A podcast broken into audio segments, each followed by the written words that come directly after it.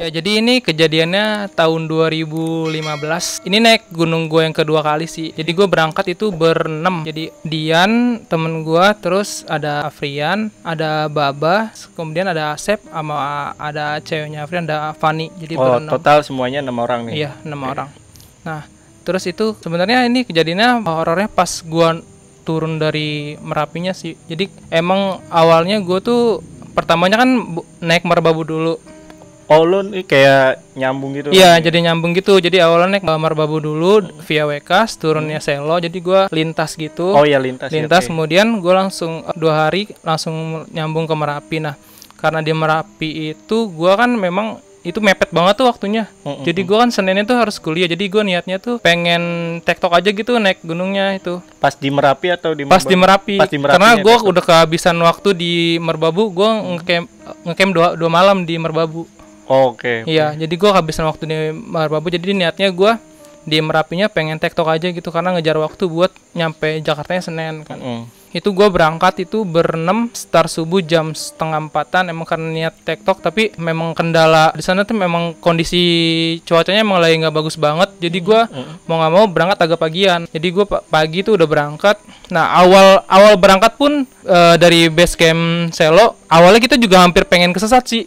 Jadi karena memang satu jalur gitu, udah gitu pelang untuk naiknya itu ad- ketutupan akar-akar gitu lah Oh, pohon oke. gitu. Iya. ah. Nah itu udah berhenti di situ udah hampir setengah jam sih gua. Jadi awalnya aja emang udah firasat, wah ini kayaknya emang nggak bisa buat tektok nih, mau Iya, iya. nggak mau harus kita harus ngecamp sehari sehari gitu kan. Udah tuh singkat cerita gua jalan biasa, kemudian pas udah nyampe pos 3 itu udah jam sorean deh kalau nggak salah itu Pos 3 di Merapi. di? Merapi. Ah, ah, oke. Gue nyampe pos 3 Merapi itu udah sorean. Nah, di situ emang udah nggak bisa mutusin buat TikTok sih jadinya temen gue udah ngasih tahu yaudah kita ngecamp sehari aja di sini deh daripada maksain nyampe ke Jakarta pun nanti takutnya pada ngedrop ya kan. Iya, betul betul. Jadi gue maksain buat ngecamp jadinya sehari di situ. Nah kemudian besoknya itu kebangun agak siangan. Jadi gue emang niatnya sebenarnya cuman pengen sampai pasar Bubra doang. Oke. Cuman emang anak-anak ini kan pada bandel ya. Iya, iya, iya. Namanya mungkin bilang mereka nanggung kali kalau misalkan sampai pasar Bubra doang mendingan langsung naik ke puncaknya aja kan. Jadi ya udahlah naik sampai puncaknya. posisi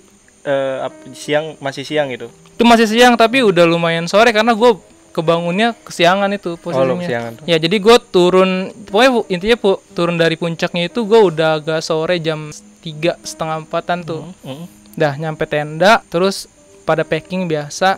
Nah, baru pas turunnya memang kita misah karena temen gua eh, si Dian ini emang kakinya sakit kan. Jadi settingannya kan kita berenam tuh. Nah, yang empat emang turun duluan karena emang ngejar waktu juga. Oke. Jadi gua sama Dian itu jalan berdua yang jalan santai aja gitu nggak mau nggak mau turunnya cepet-cepet kayak ninja gitu Karena kan lu nemenin juga. Iya, gue nemenin juga kan. Nah, itu kondisinya udah karena kita jalannya pelan, jadi emang kemakan waktu di- jalan tuh lumayan lama. Jadi gua masih di pos 2 atau pos 3 gue lupa. Itu udah jam hampir jam setengah enam sore. Setengah enam sore. Jadi emang udah posisi udah agak gelap banget gitu. Itu sisa gue berdoa doang sama Dian dan emang hawanya udah gak enak banget gitu karena gua satunya gua capek juga. Udah gitu emang nah salahnya pas gua turun itu kondisinya ya makanan, rokok gitu Oh, udah pada dibawa habis. Oh, dibawa. di ke bawah sama teman gue berempat itu jadi gue kondisinya ya udah jalan nggak mikir apa-apa gitu jadi kosong aja gitu Iya, bener. biasanya kan kalau kalau turun kan santai aja sembari ngerokok kan tuh udah jam setengah enam tuh. Nah kondisinya emang udah capek. Gue ngeres sebentar tuh sama Dian berdua. Nah pas gue lagi ngeres ada orang yang ngelewatin gue Oke. dari belakang. Heeh. set. Terus gue ya udahlah mungkin gue mikirnya ya orang biasa doang lewat kan. nah. Lengkap tuh dengan lengkap tuh itu itu bener-bener gue real banget. Itu orang gitu. Iya, iya. itu bener-bener orang gue lihat kan. Turun. Ya udah gue akhirnya nggak ngirauin lah kata gue itu orang doang. Gue lanjut jalan lagi tuh pelan tuh santai. Sampai maghrib tuh. Nah pas maghrib gue ngeres lagi karena emang posisinya udah agak malam kan. Pas eh, maghrib itu baru tiba-tiba orang yang ngelewatin gue lagi nge- ngelewatin gue itu dia tiba-tiba ngelewatin gue di belakang. Padahal gue nggak ketemu sama dia pas di jalan turun itu.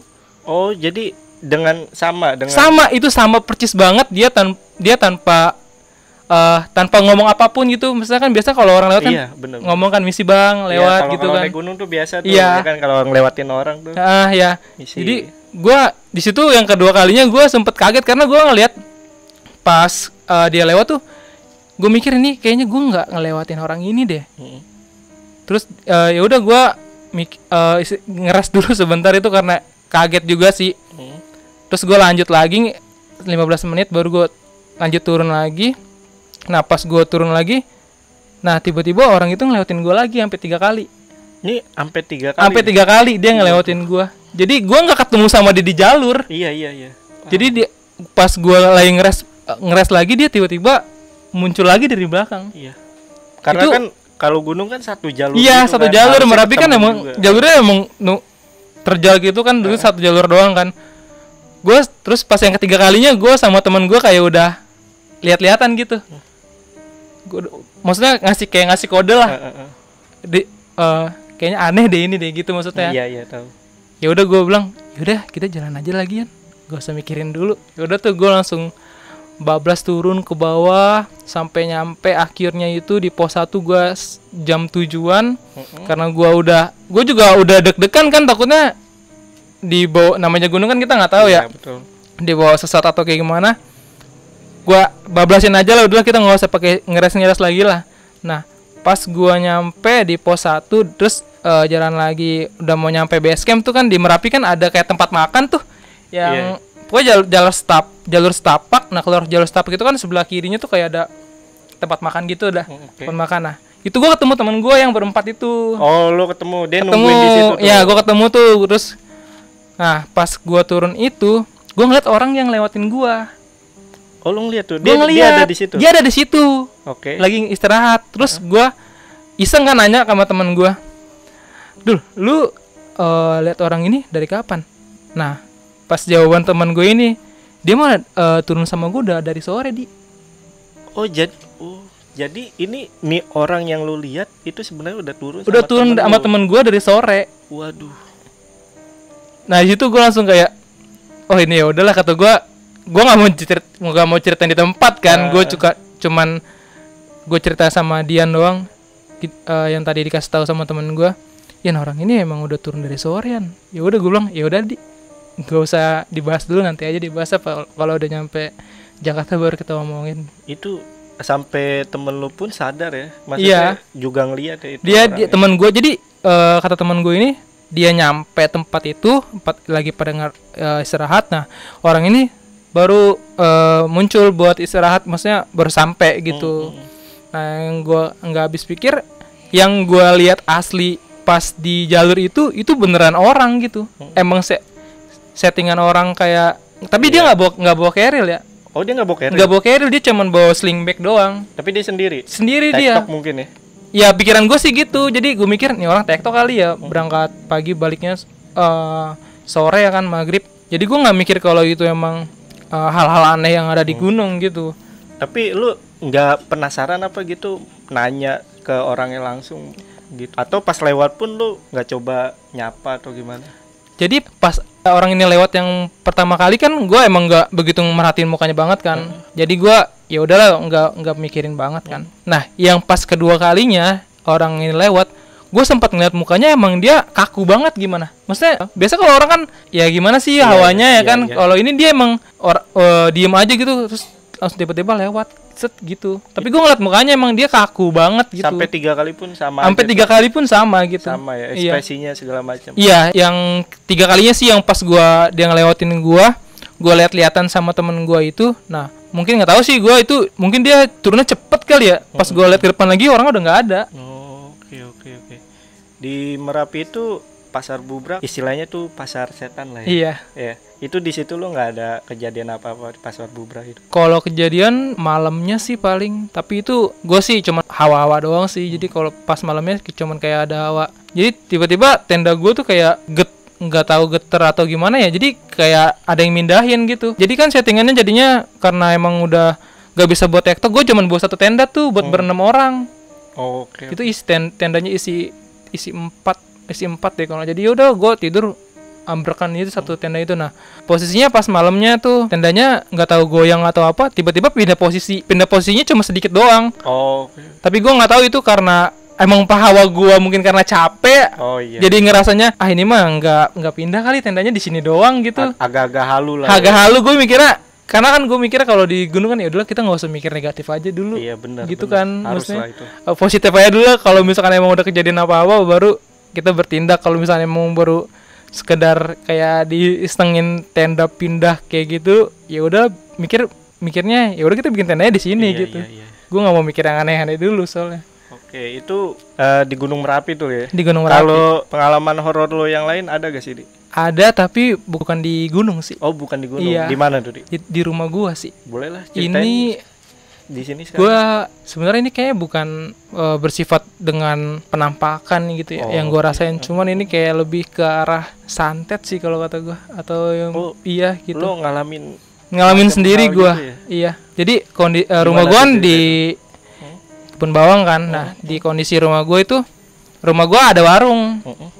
nah eh, warungnya warung lo sendiri. warung gue sendiri. Warung lu rumah rumah rumah sendiri juga gitu. Nah emang di gue tapi se- sebenarnya gue di, di sini nggak mau nggak mau fitnah atau apa ya atau Iya, gimana. ini cuman pemikiran gue doang sih. Jadi emang di gangan gue itu warung awalnya cuman nyokap gue doang yang buka. Oh, Oke. nah udah ke sini sininya semakin lama banyak tuh warung-warung yang buka di gangan gue kan Hmm, hmm. itu ke- kejadiannya kalau nggak salah 2016 atau 2017 gitu Ini warung apa nih, Di? Sorry, Di. Eh, kelontongan gitu lah Oh, kelontongan Iya, makanan sembako gitu lah ya Oh. makanan gitu Lanjut, Di. nah itu awalnya malam tuh emang karena gua kan kebiasaan kalau misalkan malam itu selalu walaupun gua lagi main ya gue selalu pulang dulu buat nutupin warung mama gua kan buat ngebantuin lah. Nah kondisinya pas gua nutupin itu jam 12 malam di depan warung gue itu kayak ada tanah gitu tanah apa? Tanah. Kuburan. Tanah kuburan. tanah kuburan. Pas banget di depan kan gue pakai rolling door ya? Mm. itu ada tanah kuburan tuh banyak banget itu gua ngelihat sendiri kan. Terus akhirnya gua bilang sama nyokap gua ya mau mama gue mungkin mikirnya eh ya mungkin ya tanah biasa doang gitu kan nah udah tuh ke, eh, gua kelar nutup warung segala macam tiga hari kemudian pak eh, ini udah setelah kejadian itu ya mm, mm. gue pas mau ti- mau tidur jadi posisinya kamar gua sama kamar nyokap gue tuh tembok tapi dijebol gitu jadi nggak ada pintu Oh, iya, iya. Nah, Iya. Jadi pas mama gue mau tidur itu naik ke kam naik ke atas kan. Pas tapi dia posisi nyokap gue udah tidur ya, maksudnya udah rebahan di kasur gitu pakai selimut segala macem. Gue lagi di kamar lagi main handphone lah. Tiba-tiba nyokap gue manggil gue, teriak gitu kan. Kaget kan gue kan gue langsung samperin kan. Kenapa mak? Eh pas mama gue bangun di kasur mama gue ada belatung. Di kasur. Di kasur mama gue Waduh. itu bener-bener belatung banyak banget itu jadi gua gua karena s- sempet positif thinking dulu kan ini belatung kalau dari atas nggak mungkin. Soalnya gue lihat ke atas nggak ada kayak yang plafon jebol kan. Bangke pun nggak ada. Biasa kalau belatung kan eh, di bangke-bangke hewan atau apa Iya, gitu iya, iya. ini nggak ada sama sekali. Di kasur lo istilahnya bersih lah ya. dia di kasur nyokap gue tuh bersih lah pokoknya lah. Iya, heeh. pas nyokap gue bangun pas gue ngeliat wah ini nggak bener maksud gue gue udah mikir yang mau ngerjain kayak gini tuh siapa gitu kan. Iya, oh lo langsung berpikir. Gue langsung berpikir kayak gitu maksudnya kayak selama ini nyokap gue baik-baik aja gitu. Mm-mm. Nggak pernah macem-macem. iya nggak pernah macem-macem walaupun ada yang nggak suka. Ya aneh aja gue sempet mikir kayak mau ngerjain atau kayak gimana karena sebelum apa setelah kejadian itu warung mama gue kayak jadi kayak orang lewat tuh Mm. depan rumah gue kayak nggak warung gue tutup gitu jadi Oh. emang sempet masa warung gue tuh emang sepi banget gak ada yang beli Oh, ini banyak saksinya gak sih? banyak saksinya dan banyak yang ngerasain juga keluarga gue Maksudnya tuh yang lu bilang tadi orang lewat itu ngeliatnya tutup tuh. Tutup. warung. Itu emang sempet ditanyain Oh, ada ke beberapa anak Heeh. eh, orang-orang gangan gue itu jadi ditanya nama pelanggan lu lah. iya biasanya. kan ada yang beli. Ya paling bocah-bocah beli kalau enggak. Ya orang tua kayak sembako kayak gitu kan banyak kan kayak rokok segala macem. Terus nyokap gue sempat nanya kayak kok lu nggak pernah beli lagi sih? Gitu kan. Mm, mm, mm. kepo mungkin kan namanya Iya, orang. iya. lah ibu kan bukan orang tutup ya? Waduh. Padahal di situ lu setiap hari buka. setiap hari sampai malam warung itu itu bener-bener gue ngerasain ngerasain di guanya juga di keluarga gue juga ngerasain gitu. Jadi ya aneh aja gitu maksud gue zaman sekarang masih ada orang yang masih main-main kayak gitu. main-mainan kayak gitu gitu. Maksud gue nggak ada manfaatnya lah. Tapi nyokap lu pas kejadian itu tuh nggak ada luka atau apa kan? Atau luka sih alhamdulillah nggak ada Nggak sih. cuman yang dibikin seret malah jatuhnya ke rezeki sih. Jadi kayak ditutup lah maksudnya pintu rezekinya gitu. Kalau pemikiran gue ya gue juga nggak mau berpikir yang ada yang ngerjain orang tua gue atau warung gue gitu. Jadi gue berpikirnya ya udahlah mungkin emang bukan rezekinya aja Iya, gitu. Positive belum- thinking positive aja lah thinking aja. Misalkan aja kalau misalkan ya di tahun sekarang masih ada orang yang masih Oh berarti ini baru gitu. lah ya? baru sih 2017 kemarin. 2017 kemarin iya, ya. bertuju- 2017 kemarin. Itu se- kerasanya di gue bukan hal jatuhnya kayak finansial tuh langsung ngedrop banget lah. Karena emang di eh, di keluarga gue yang diutamain ya warung itu buat Iya, keseharian buat- gue kan di lain ya. gue kerja juga itu ya jadi pemasukan keluarga gue gitu Terus eh, warung lu ini masih buka gak ini? Sampai masih masih buka Masih. sampai sekarang Dan masih ada kejadian-kejadian gitu? Nah, jadi se- setelah kejadian itu tuh eh, nyokap gua kayak inisiatif, coba deh kita panggil yang orang yang mengerti Iya, iya. Perihal kayak gini-ginian kan. Bener. Jadi waktu itu sempat ada pengajian juga di rumah gua dan emang orang yang pinter ini ngasih tahu kalau misalnya emang ada yang nggak suka Oh. dengan keluarga gua ini gitu. Makanya pengen dibikin serat sekalian, mau dibikin jatuh sekalian gitu.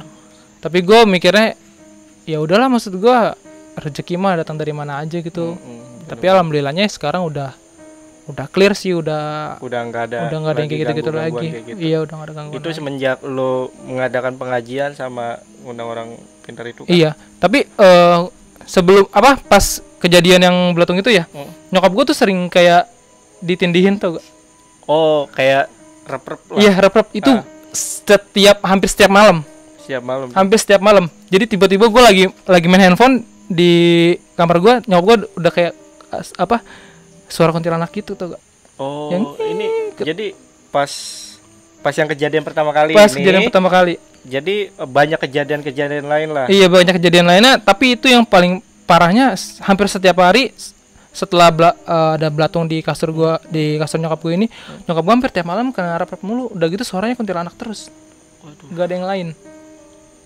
oke horor juga tuh. Itu hampir setiap malam gua jadi gua selalu setiap siaga kalau malam tuh nggak jangan tidur dulu gitu. Hmm, hmm. Jadi mau nggak mau harus begadang karena eh, posisi nyokap gua kerap rap itu biasanya di atas jam 1, jam 2 tengah malam. Nah itu harus gue bangunin. Soalnya kalau gue nggak bangunin kata kata orang-orang yang pin- yang ngerti itu mungkin bisa ke bawah gitu. Karena ini emang Oh.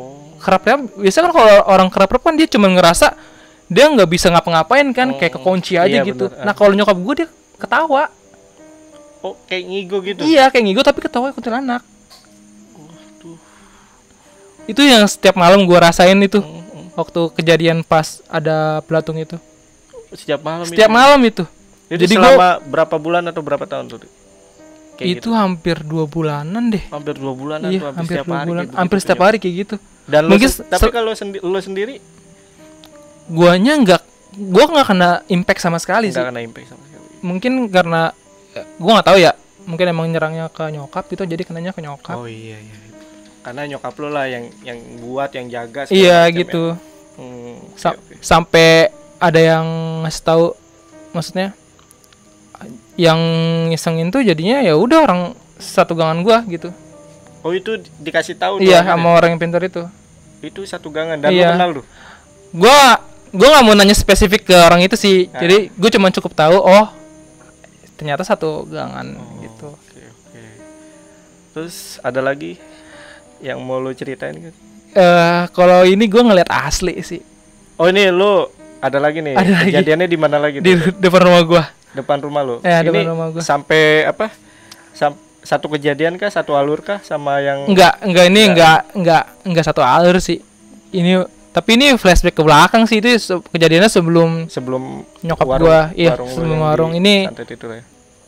jadi gua posisinya malam Mm-mm. lagi pada nongkrong tuh nagangan gua tuh Mm. biasa main gitar segala macem main handphone Eh, pakai bangku panjang lah biasa anak nagangan kan nah kondisinya rumah rumah gua kan depannya asrama Arhanut Mm-mm-mm. Nah, di depan uh, asrama Arhanut itu ada pohon a- ada sorry, ada pohon jambu. Pohon jambu. Pohon jambu itu lebat banget nggak pernah dipotong, nggak pernah ditebang lah maksudnya. Mm-mm-mm. Nah, itu kondisi jam dua malaman lah gue lagi pada nongkrong segala macem gue lagi pada nongkrong lagi pada nyanyi nyanyi asik. Tiba-tiba temen gue kayak nyenggol nyenggol gitu kan. Gue itu lagi pos kondisi gue lagi main handphone tuh. Hah? dan gue mikir apaan sih? Maksudnya cuma bercanda doang kali kan? Hmm. nah pas itu temen gue tiba-tiba satu, satu orang satu orang pada cabut. Itu ada satu bangku itu ada empat orang kan. Hah? atau yang main gitar satu lagi pada nyanyi dua orang pada nyanyi. Tiba-tiba teman-teman gue nih yang main gitar cabut tanpa bilang gitu. Langsung lari kabur. Oke, oke. terus yang satu lagi yang di sebelah main gitar itu langsung cabut. Nah yang terakhir ini nyenggol nyenggol mm. nah pas nyenggol nyenggol gue gini gue kan risi lagi main handphone kan. Kalau kata gue kenapa sih? Di, lu lihat depan deh depan depan pohon apa pohon jambu. Pas gue nengok ke atas itu beneran pak. Pocong. Itu melayang terbang. Itu tapi eh, transparan ya yang gue lihat. Oke. itu terbang jadi ngeliatin arah ke gua tuh gak Waduh. Nggak- jadi dia posisinya ngeliatin ke arah gua gitu gue langsung diem sama teman gue berdua ini baru gue langsung cabut ke belakang Hmm. udah eh, handphone gue gue tinggalin di bangku segala macem itu yang gua aneh soalnya pocongnya ngeliatin ke arah gua gitu Gak ke temen lu, kan lu berdua nih. Iya. Ah. nggak ke temen gua tapi gue ngerasanya dia ngeliatin ke arah gua udah gitu dia terbang posisinya Iya, kan iya. aneh ya maksud Iya. gua biasanya kalau kalau terbang-terbang kan definisinya mungkin kuntilanak gitu kan. Ini dia posisinya terbang tuh pocong udah gitu transparan banget yang gue lihat. Itu matanya merah sih cuman karena mungkin transparan nggak begitu ngelihat tapi dia posisinya emang gimana sih pocong? Terus Iya, nge- dia iya. posisinya kan di atas tuh di Ah. pohon. Dia ngelihat ke belak ke bawah gitu. Mukanya kelihatan gak tuh? serem banget pak Hancur segala hancur bener. Oh, hancur ini. Hancur. Mukanya bukan yang polos. ya gue malah merhatiin ke matanya Oh, ma- karena matanya ngeli apa ngelihat banget ya. ke gua gitu ini sampai disaksiin sampai sampai Em- empat orang. empat orang jadi teman gua yang dua orang ini Eh. cabut aja gitu tanpa Ah. ngasih tahu gitu Ini kalau dibilang sih temen lu jahat juga sih, yang dua orang itu. jahat sih itu sih Jahat itu. ninggalin lagi sayang sayangnya Iya. si Aldi. Terus terus em, apa? Tapi temen lu tuh baik tuh yang yang itu ngasih yang tuh lu, dia iya. setia tuh sama gua tuh Iya, eh, ngasih tahu dia nggak mau ninggalin gua kan eh, karena dia sayang sama lu. sayang mungkin sama gue Iya iya iya iya. Oke, ini ada lagi gak nih? Itu aja tuh dulu ya. itu du- mungkin itu sih yang pengalaman pribadi gua banget Pengalaman sih pribadi lu Iya. ya. tapi yang paling berkesan sih pas di gunung sih Di itu gunung ya. Karena lu ngerasain banget lah ya feel-nya itu feelnya ya. sama gua ngeliat orangnya juga kaku banget merapi lagi kan. merapi itu kan emang dibilang gu- bisa dibilang gunung mistis juga kan Iya benar-benar. Oke, mungkin cukup lah ya cerita Iya, lu. cukup mungkin Kalau ada apa pengalaman lagi, ntar coba next time lah kita Iya. share share sharing sharing lagi ya Siap. antara malam. siap Oke siap deh. Oh ya ini eh eh, saat ini lu sibuk apa nih di? Gue mah sekarang masih kerja sih di salah satu perusahaan swasta Mm-mm. sama lagi lanjut kuliah juga Lanjut kuliah. iya kan gue lulusan D3 tapi gue lanjut ke S1 gitu Ini pas pandemi gini gimana nih lu kuliah sama kuliahnya sih yang nyebelin sih online semua jadinya online semua ya? iya Jadi nggak efektif lah nggak ya? efektif udah gitu jadi males gue kalau kuliah online itu Iya benar. susah buat diskusi segala macam Ini semuanya sih kita ngerasain lah ya. iya Ini tapi alhamdulillahnya yang gue rasain maksudnya gue Heeh. yang gue rasain ya gue nggak seperti yang orang-orang di share di medi- medsos itu yang kena PHK segala macam Oh, alhamdulillahnya ya sampai. nggak sampai gue jadi masih dalam kondisi ya udah kerja sesuai SOP standar normal biasa gitu Ini kalau untuk sos- sosial media nih lu punya gak nanti sharingnya di sini? boleh nama Instagram gue iya, bu, eh, di Instagram bro biasa itu. nama Instagram gue eh, susah dilupain underscore Susah dilupain. Underscore. Ini kayaknya puitis banget nih si Aldi ini. nggak nggak piti cuman emang susah dilupain aja orangnya Iya bener-bener. Ya udah, mungkin cukup ya dia ya mungkin. dari cerita dari Iya. luar ini. Oke, ini buat teman-teman yang punya cerita atau pengalaman horor boleh share di email atau DM sosial medianya Lentera Malam nanti kita ceritain atau kalau mau datang ke sini boleh juga kayak si Aldi sekarang. Eh, sekali lagi thank you nih thank you buat ceritanya. ya siap Oke. Sukses buat kuliah Sukses sama- juga buat Lentera Malam. Semoga subscribernya langsung naik meningkat. Amin. Jangan lupa tuh subscribe sama Subscribe. eh, ikutin eh, sosial medianya Lentera Malam. Ya udah, kita sampai sini aja. Kita izin pamit. Selamat malam dan sampai jumpa.